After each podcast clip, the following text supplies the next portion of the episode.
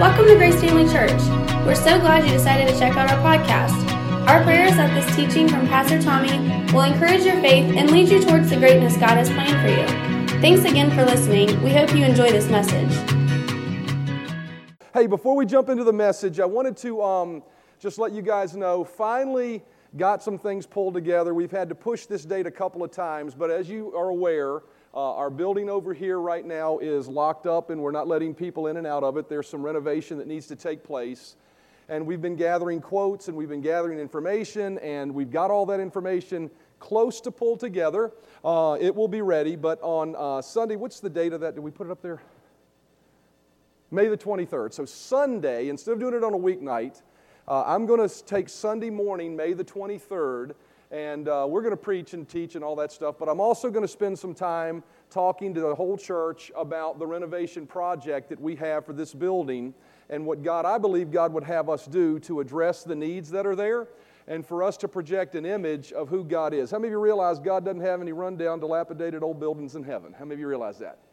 Amen? Then we shouldn't have any rundown, dilapidated old buildings here that we're using to serve God with. And so uh, we're going to address some of those issues. Um, we're going to be talking about that on May the 23rd. And so I would encourage you, please try to be here if you consider this your church home.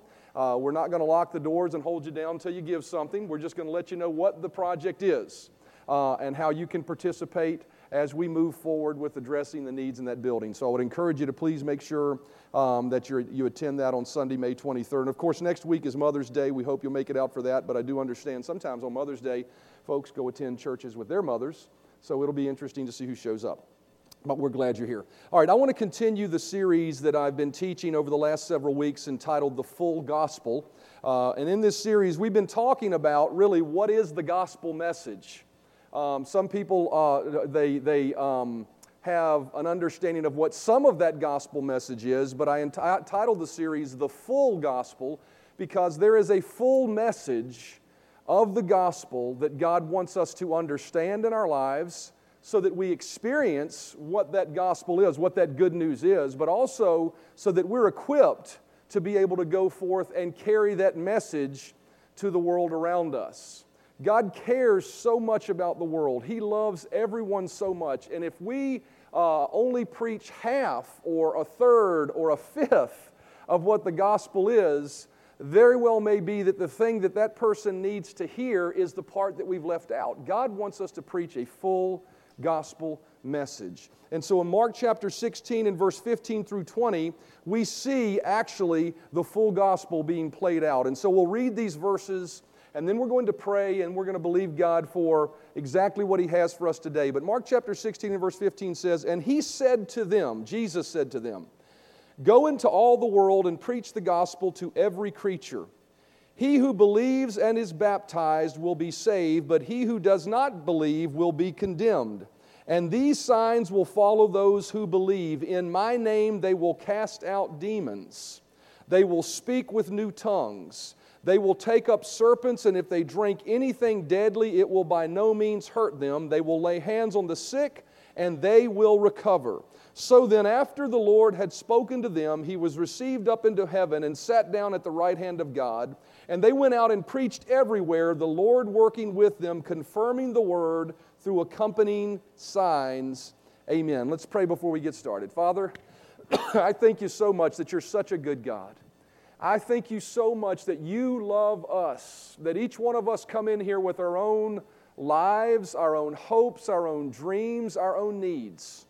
And I understand that the Holy Spirit knows what those are. So I ask you, by the power of the Holy Spirit, to use me.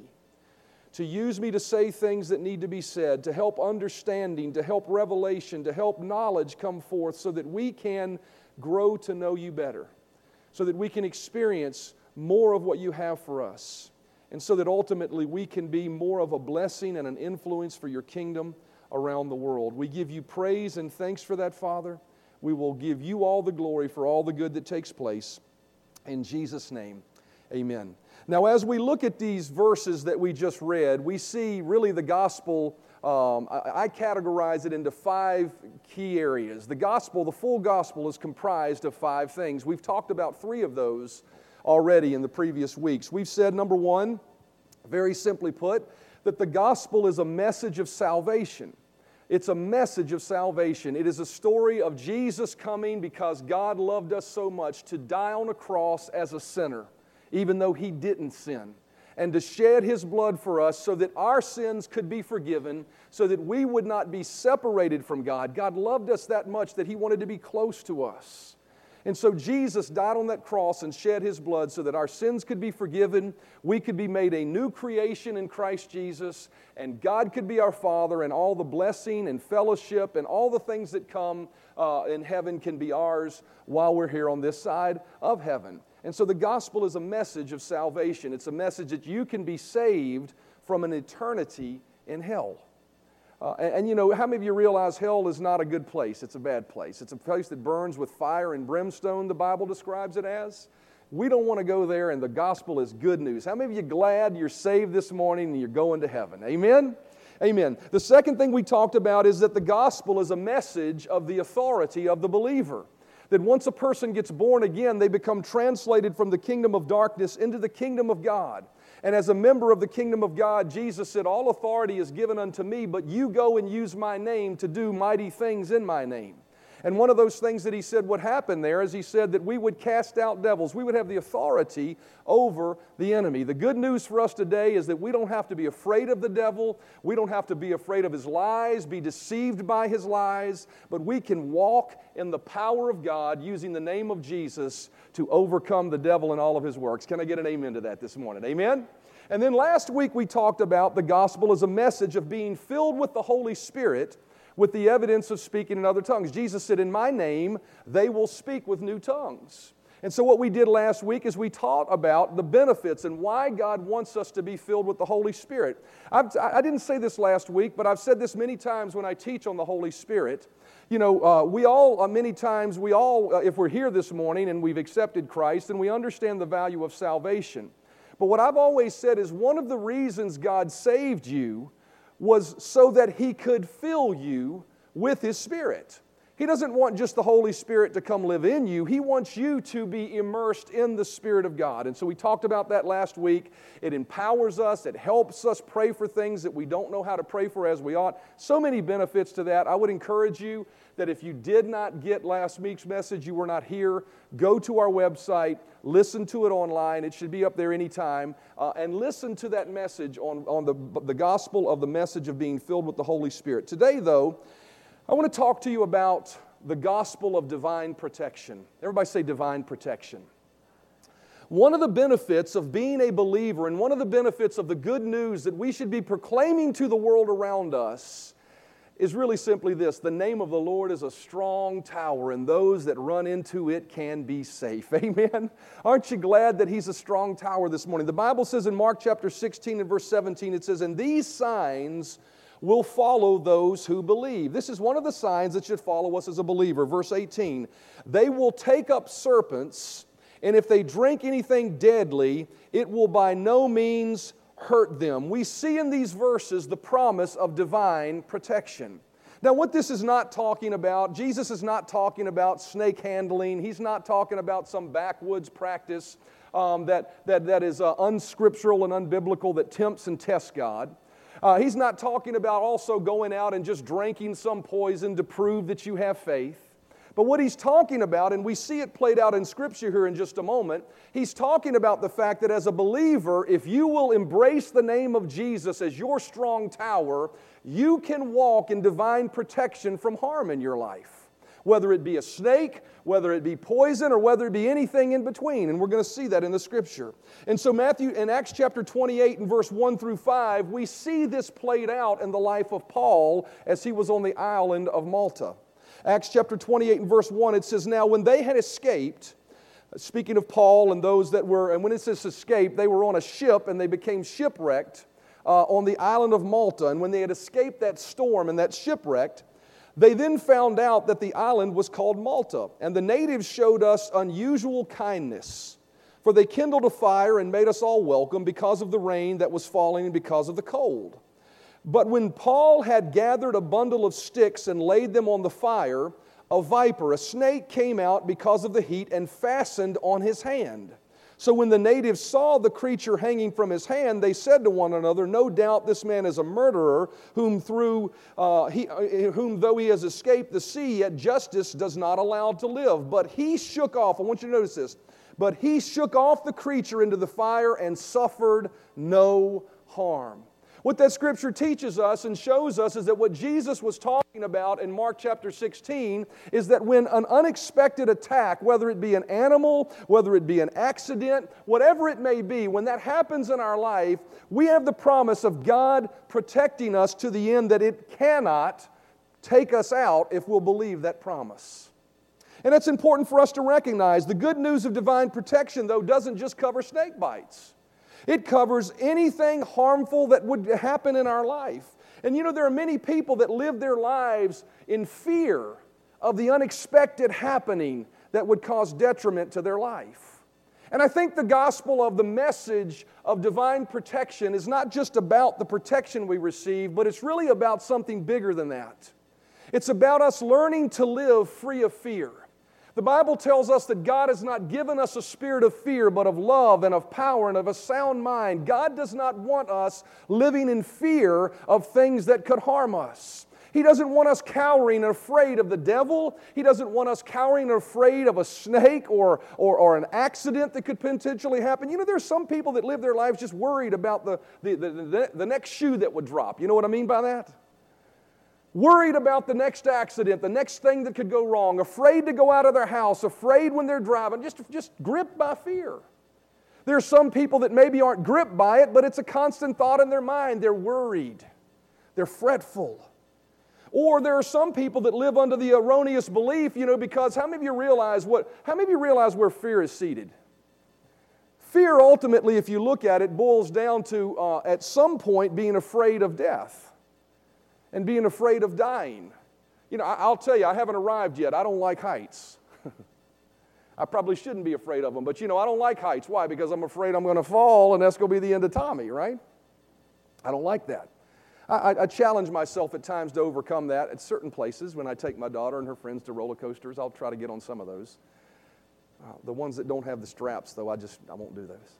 Uh, but, but you know, uh, the, the, the, the, ultimately fear is seated in the, the fear of dying. And, and I think when, we, when, you, when you think about the promise of divine protection, a snake biting you, poison being ingested, the thought of that causes us to think, man, if a snake bit me, how many of you realize there might be a worry that you die, right? If you ingested arsenic accidentally, how many of you realize that might be a fear that you would die, right? But what God has promised us is that if, if those types of accidents and things sneak up on us and happen in our lives, we don't have to be afraid of death. But you know, there are some people that are afraid of death, and the reason they're afraid of it is because they believe that death is something that it will unexpectedly sneak up on them in their life. Ever heard somebody made this statement? Well, if it's just your time to go, it's your time to go. They, but they live by that belief. I'm going to show you in just a moment that, that none of us have a specific time to go. We've been promised that we can determine when we go. You say, that sounds ludicrous. I'll just show you in the Bible that. How many, of you, how many believe the scripture should dictate what we believe, not what we think? Amen? And so, but there are people that they're, they're afraid because they're like, well, is today the day? Is today my time to go? You know, I got to tell you, you know, most of you guys know my story that back in August of last year, you know, I had a double pulmonary embolism. If I had bought that belief, I would have just resolved because I got to tell you, the chance of living from that is 1 in 16. And I could have just given up. I could have just said, well, I guess it's my time to go. But you know what? I wasn't ready to go. So, see, some people think that's arrogance. No, that's not arrogance. That's me standing on the promise of what I'm going to share with you today that there's a promise of divine protection that says that you don't have to go until you're ready to go. Why? Because God has promised to protect you from harm until then. So, Psalm 91, it tells us the good news for a believer that we're promised divine protection of every kind to preserve our life. Psalm 91, verse 1 and 16 says that he that dwelleth in the secret place of the Most High shall, uh, uh, in the secret place of the Most High shall abide under the shadow of the Almighty. Verse 16 says, With long life will I satisfy him and show him my salvation. Everybody say, Long life. Everybody say, Satisfy. Now, notice that verse says that he that dwells in the secret place of the Most High God. So here's the first thing to understand. To get to this, uh, this, this promise of divine protection, you got to come through the gate of the gospel of salvation, right? But once you're born again and you accept Jesus Christ as your Lord and Savior, and you, become, you come under the umbrella, under the shadow of the Almighty God, and you stay in that place and you live in a place of, I'm not talking about every once in a while slipping, but how many of you realize what disobedience is and what rebellion is? How many realize it's different, right? How many of you realize sometimes you can get mad at the dog and kick it, and that's anger, and that's not right, right? Hope nobody does that. I got two dogs, and I don't kick my dogs. That's just a saying I use sometimes. But how many of you realize you can get mad, or you can do something sometimes and have a slip, a failure? And, you know, that doesn't mean when you, that happens, you're not, as a believer, you're not under the shadow of the Almighty. It just means you need to ask God to forgive you to get your fellowship right with Him. Rebellion's a different animal, though. How many of you realize rebellion is making a decision to say, no, I'm going to take this course of direction and I'm not coming off of it? How many of you realize that's different and that's stepping out from under God's umbrella? That's not walking in obedience in your life. And what he says here is, he says, if you're living under the shadow of the Almighty, if you're born again and you're doing your best to strive to serve Him, you're in this divine place of protection. You're under the shadow. And notice the phrase he uses of the Almighty. Everybody say Almighty. That means the all powerful one. Nobody greater, nobody stronger, nobody more powerful. You live under the shadow of the Almighty. And it says in verse 16, with long life I will satisfy him and show him my salvation.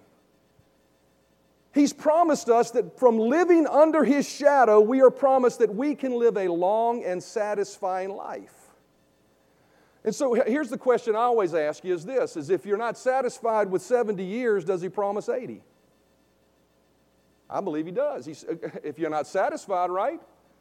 I know for me, I'm 54. I had double pulmonary embolism. I said, Lord, I ain't satisfied yet. This, I ain't done yet. I want to go to heaven. I'm looking forward to going to heaven. I'm looking forward to today doing that. But I believe there's still people to touch here. There's still kids to raise. There's still things to do in my life that God wants me to do before I cross from this side into glory. Amen? And so, what that verse tells me is that God promises you as a believer, and I'm, I'm, driving this home because I want you to embrace this. God promises you as a believer that you can live here until you're satisfied, no longer wanting to live here. Right? Now, the problem is, is that sometimes there are people that are no longer satisfied at a very early age, and the only reason there, there, there is because of that is because they have not experienced their Creator yet. They haven't experienced the joy of truly knowing the God who created them, of allowing His presence, the one that is the way, the truth, and the life, to flood their life to the point that there is a satisfaction that takes place that nothing in this earth that can give you. Amen? Amen. And so between verses 1 and 16, we find various promises, and we're going to touch on those in just a moment. Various promises that specifically call out things that we're protected from that would ensure us a long and happy and satisfying life. But before we do, I want to establish an understanding of something first. I felt like it was important to do a little bit of teaching here this morning to establish a truth in your heart before we get to the divine protection piece. Because the first thing we have to understand is this is that death is an enemy of God.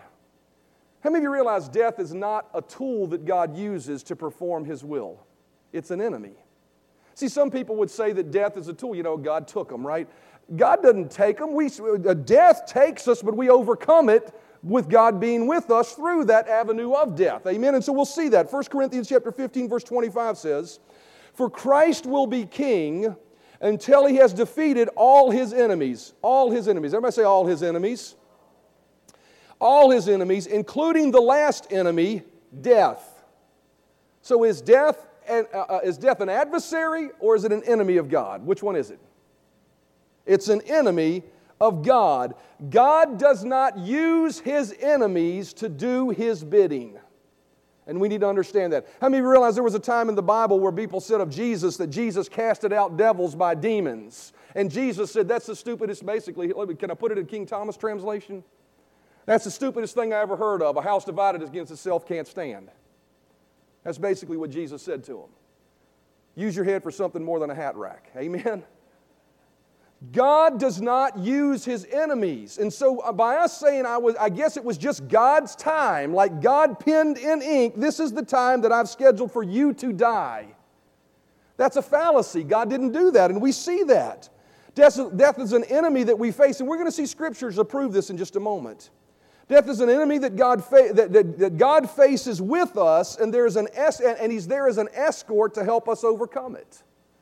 You know, I remember once there was a young girl uh, at, at, at, one point in the history of our church, and we were very early on as a church, and, and, and I was actually doing the youth group on a special night at our house. And I remember this young lady was sitting there and she, I asked her the question, you know, because um, uh, you know she was a little bit averse to being there, but I think her parents just made her come. How many of you believe it's good for your parents just to make you come sometimes? Amen.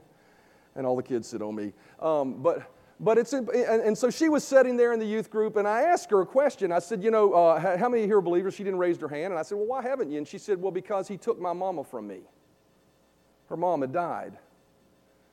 And I had to explain to her and help her understand that God didn't take your mama from you, death did. God was there because she was a believer. God was there at the door of death to escort her into heaven, but death is what took her mama from her. Death is an enemy. But what we find to be in this, find uh, on the scriptures that we don't have to allow that enemy to dictate terms to us as a believer if we know what the scripture says. Death should not overcome the believer. I'm going to make that as a bold statement. Because I will tell you, most believers don't operate in this realm of faith because they haven't been taught correctly. But death should not overcome the believer. The believer should overcome death on their day of dying. 1 Corinthians chapter 15 and verse 55, 4 and 55 says, So when this corruptible, has put on incorruption, speaking about when this corruptible flesh, how many of you realize no matter how much God has promised divine healing, your body's still getting older? How many of you have more wrinkles than you did 20 years ago if, you stu- if you're that old? I keep looking in the mirror thinking, oh no, here comes chicken neck. How many of you know what chicken neck is?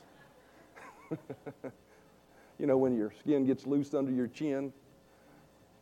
I don't like chicken neck. Just a sign we're getting older says, So when this corruptible has put on incorruption, and this mortal has put on immortality, notice this, then shall be brought to pass the saying that is written, Death is swallowed up in victory. Everybody say victory. So the day of our dying should be a day of victory, not a day of defeat for the believer. O death, it says in verse 55, where is your sting? O Hades, where is your victory? Verse 57, but thanks be to God who gives us the victory through our Lord Jesus Christ. Notice that death should be a victory for the believer, not a day of loss. A complete victory. Everybody say complete victory. What's a complete victory? Well, we're going to find out next week, and we're going to find out a little bit today. How many of you realize God has, if you've been in this church long, you have to know you've heard me say this. How many of you realize Jesus has promised you divine health as a believer? Amen. We'll see that in a little bit. Well, if He's promised us divine health, then how many of you know that death should be a day where we don't die because of a sickness? We die because we've decided, I want to go home and be with Jesus. And we give up the ghost like Jesus did and we go to heaven. How many realize that should be the day we have? Connie's mom just experienced that. She could have gone on living, but she just said, You know what? I'm ready to go home. They all joined around and prayed with her, and she went home as they were praying with her.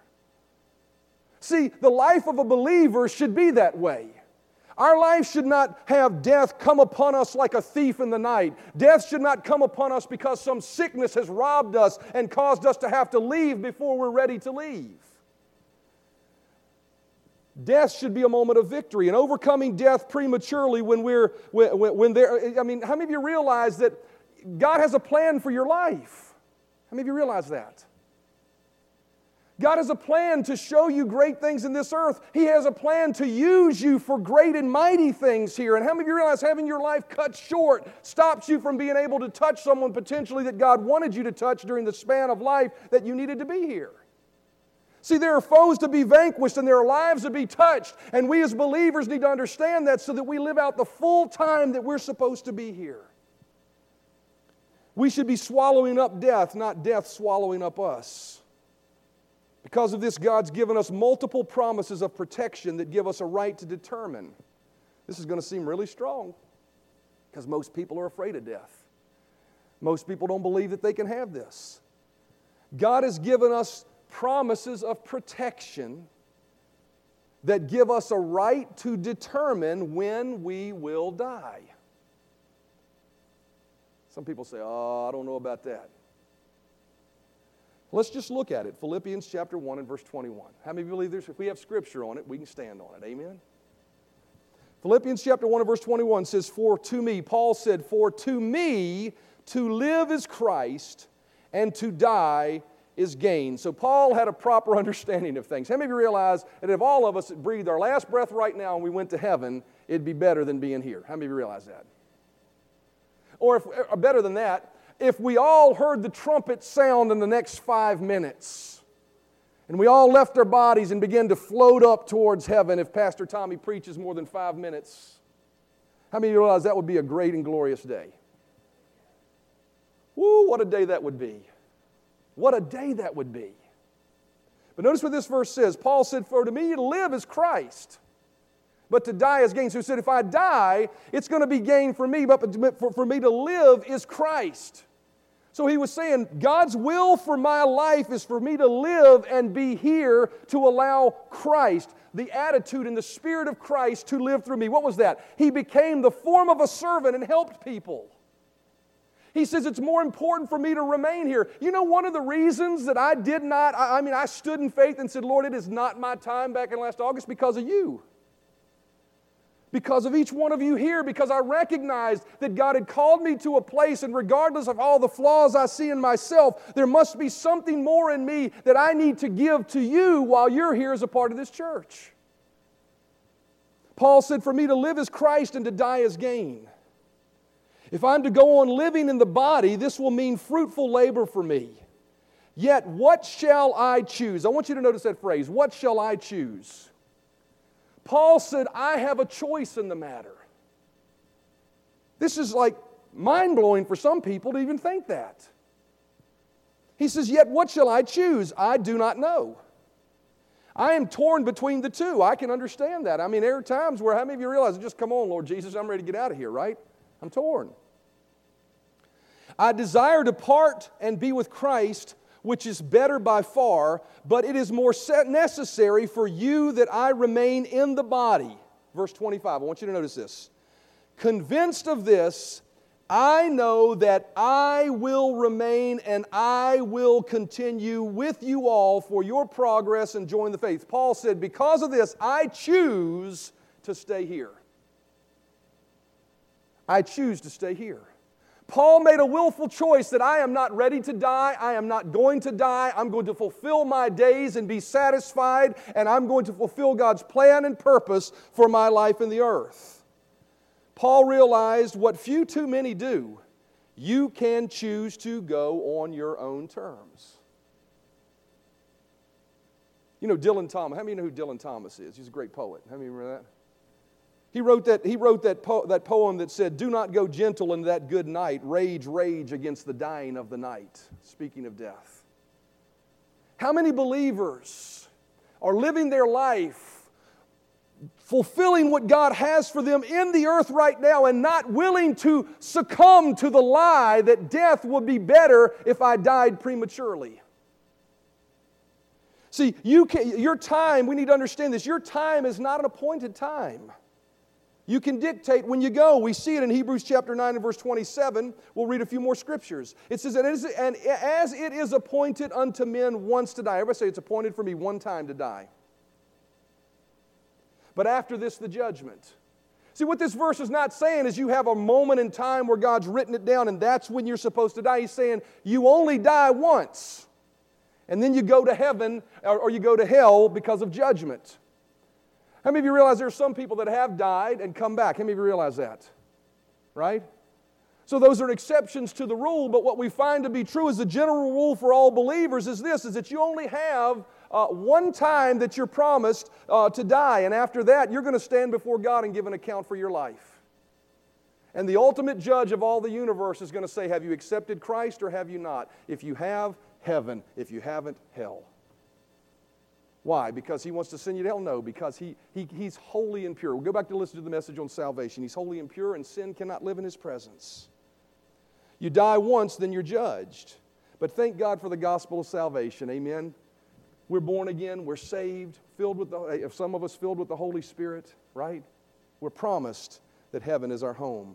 But we need to recognize that we don't have an appointed time. We get to choose when we leave. Proverbs chapter 3, verse 1 and 2. Notice this. It says, My son, forget not my law, but let thine heart keep my commandments. Notice this. For length of days and long life and peace they shall add to thee. If you had an appointed time, you could not add days to your life. See how many of you realize that verse tells you you can add days to your life? How? By obeying God, living under the shadow of the Almighty God, right? Goes on to say in Proverbs chapter 10 and verse 27 the fear of the Lord prolongeth days. Everybody say prolongeth but the years of the wicked shall be shortened. And so you have the ability as a believer to believe God's promises, live under His shadow, and prolong your days. Or, as many people, you can step out from under that protection and you can shorten your days.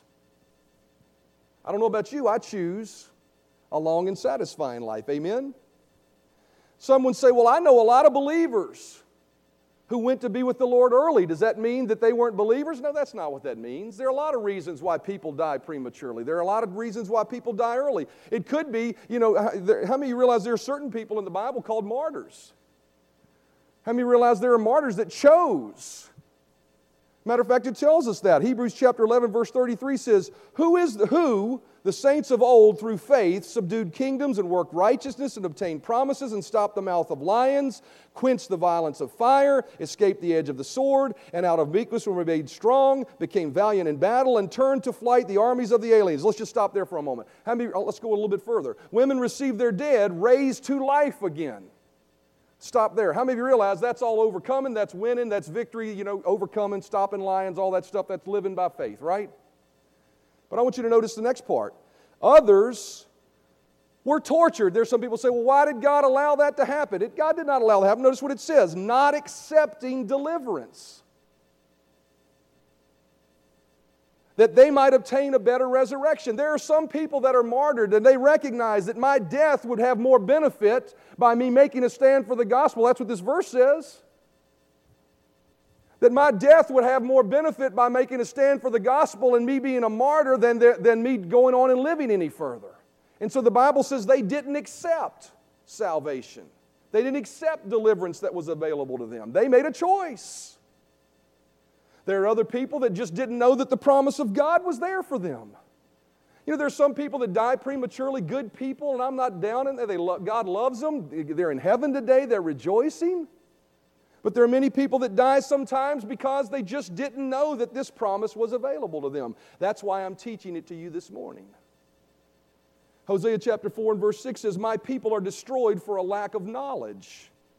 Because you have rejected knowledge, I will also reject you from being priests for me. Because you have forgotten the law of your God, I will also forget your children. Notice what he says there My people are destroyed for a lack of knowledge.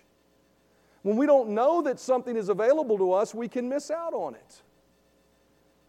You ever discover? I, have done this before. I've stuck a little bit of money away in my wallet because I was going to do something special with it for my wife or something and forgot it was there. You ever opened up that wallet a year later and was like, oh, there's, there's that money? I mean, that's a nice surprise. The lack of knowledge of that money robbed me of being able to use it. Right? And so, well, you need to understand that many people die prematurely just because of a lack of knowledge. Some people die prematurely because of sinful choices. Isaiah chapter 1 and verse 19 says, If you are willing and obedient, you shall eat the good of the land. But if you refuse and rebel, you shall be devoured by the sword, for the mouth of the Lord has spoken it. So there are times where our sin can get us out from under the spout where the protection comes out. Amen? And then there are simply times where there's just a faith failure. Everybody say faith failure. This one's the hardest one for faith people to buy into. But how many of you realize sometimes you can know what a promise is and you can think you're believing for that promise, but sometimes faith just fails and we fall short because we're human beings? How many of you realize that? James chapter 1 and verse 6 says, But let him ask in faith without doubting, for, for he who doubts is like a wave of the sea and tossed by the wind. For let not that man suppose that he will receive anything from the Lord. There are times where we may know the promise of God, and the promise of God is not coming to pass. And I can tell you it's because there's a head knowledge potentially, but we haven't let it seep down into our hearts to become faith that resonates and changes our life. And sometimes that happens. And so there's reasons why people die prematurely, but the Bible promises us that if we will grab hold of that promise of a satisfying long life, we can have it. And we find that to be true in Psalm 91. Notice again, he who dwells in the secret place of the Most High shall abide under the shadow of the Almighty God. If you accept Jesus and you're walking in obedience each day, you're under his shadow and it's a safe place to be. Verse 2 says, I will say of the Lord, He is my refuge and my fortress, my God, in Him will I trust. Notice this Surely He shall deliver you from the snare of the fowler and from perilous pestilence. We can live free from uh, and, and protected from Satan's traps. Notice what it says there the snare of the fowler. What is the snare of the fowler? It's a trap. How many of you realize that Mr. Bear, when he steps in a bear trap, is surprised by the bear trap when it clamps on his foot? Let me realize that, right? It's a trap. There are traps that the enemy lays for us many different times in many different places in our life. There are, there are traps and there are attacks and destruction. Jesus said, In this world, you will suffer tribulation, you'll face problems. And you're going to face those problems. But when you face those problems, he says, even when the problem shows up, when that unexpected trap shows up, I will protect you and bring you through it. Verse 3 says, He shall deliver you from the perilous pestilence. That perilous pestilence is, is, is translated as a destructive plague or disease. We can be protected from sickness and disease. Everybody say divine health. Everybody say healing. For the believer, we need to understand something. 1 Peter chapter 2 and verse 24 says, By whose stripes you were healed. Everybody, uh, uh, just basic English, is were past tense or is it present tense or is it future tense? What is were? Past tense. Got a few English scholars. He said, By whose stripes, when Jesus took stripes upon his back, you were healed. So, as a believer, we shouldn't be expecting to get sick and then get healed, get sick and then get healed, get sick and then get healed. That happens to us, right? But we should be believing for divine health, living above, protected, living in that place of divine protection from God, that I can walk in divine health because He said He would protect me from, what did He say? Destruction and diseases. Verse 4 says, He shall cover you with his feathers, and under his wings you shall take refuge. His shield, his truth shall be your shield and your buckler. Shield and buckler, a, thing that, that surrounds and protects. Verse 5. You shall not be afraid. Everybody say, don't be afraid. If you're dwelling in God's presence, you don't have to be afraid of anything. Of the terror by night, nor the arrow that flies by day, nor of the pestilence that walks in darkness, nor the destruction that lays waste at noonday. Verse 7 A thousand may fall at your side, and ten thousand at your right hand, but it shall not come near you. Only with your eyes shall you look and see the reward of the wicked, because you have made the Lord, who is my refuge, even the Most High, your dwelling place. When we put our trust in God, we have divine protection from a thousand falling on our left and 10,000 right. How many of you realize the last year has been a story of that? You don't have to fear a pandemic. As a believer, I mean, right now in our culture, so much that is being done and driven is driven by the concept of fear in the guise of wisdom. That may not be politically correct for me to say that, but I'm just going to say it. There is wisdom that needs to be used. There is practicality that needs to be used. I can tell you, I had my first uh, vaccine shot two weeks ago. You say, You did? I did. Because I recognized to operate in this world, I got to have one. If I'm going to fly on a plane, I got to have one soon. So I said, Okay. Some people say, Well, man, what is something? I'm divinely protected. Take the shot. If God can protect you from the sickness, He can protect you from the shot. You're just so dogmatic about your political position that you can't. Anyway, we'll go somewhere else. Amen. Amen. But you don't have to be afraid of the pandemic. I didn't get the shot because I was afraid. Some people are. But the Bible tells us that we don't need to be afraid when we're dwelling in His presence. Verse 10 No evil shall befall you, nor shall any plague come near your dwelling. For He shall give His angels charge over you to keep you in all your ways. In their hands they shall bear you up, lest you dash your foot against a stone. Our protection is ensured not only by God, but His forces in heaven, the angels. Not fat little babies that play harps mighty that excel in strength, the Bible tells us in Psalm 103. That hearken unto the voice of his word. Verse 13, you shall tread upon the lion and the cobra, the young lion and the serpent, you shall trample underfoot. Through God's protection, we can trample down that old enemy, the devil. Verse 14, because he has set his love upon me, therefore I will deliver him. I will set him on high because he has known my name. He shall call upon me and I will answer him. Notice this I will be with him in trouble and will deliver him and honor him. So, what that tells me is I can even be walking in the shadow of the Almighty God under his divine protection, and how many of you realize trouble can still show up? That's what it says there. But when trouble shows up, what he says is even when the problem shows up, when the unexpected accident shows up, he says, If you will abide in me, I will protect you and I will deliver you. I got to tell you, I'm reminded of the promise of divine protection when I see believers who go through horrific accidents and life is at death's door, but God says, No, not your time yet because you're dwelling in the secret place of the Most High, or someone that is praying for you and loves you is standing in that place. Amen? Amen. As the musicians come, God has promised us divine protection. Amen. I want to read to you a couple of verses and we'll close. Psalm 46 and verses 1 through 3. God is our refuge and strength, a very present help in trouble. Therefore, we will not fear, even though the earth be removed and though the mountains be carried into the midst of the sea. That tells me that if the earth shakes and the earth quakes, I still don't have to be afraid. If mountains move, I still don't have to be afraid. If sickness comes knocking at my door, I don't have to be afraid because I've been promised protection from the Most High. Proverbs chapter 18 and verse 10 says, The name of the Lord is a strong tower, the righteous run into it, and they are safe. The scripture teaches us that the gospel is not only a message of salvation from our sins, it's also a message of divine protection you can live out the full measure of your life by believing God to protect and make your life everything you hoped it would be and everything He planned it to be. Amen? Amen. Mark chapter 16 and verse 17 says, And these signs will follow those that believe. They will take up serpents, and if they drink any deadly thing, it will by no means hurt them. Amen. Bow your heads with me. Father, I thank you so much for your word.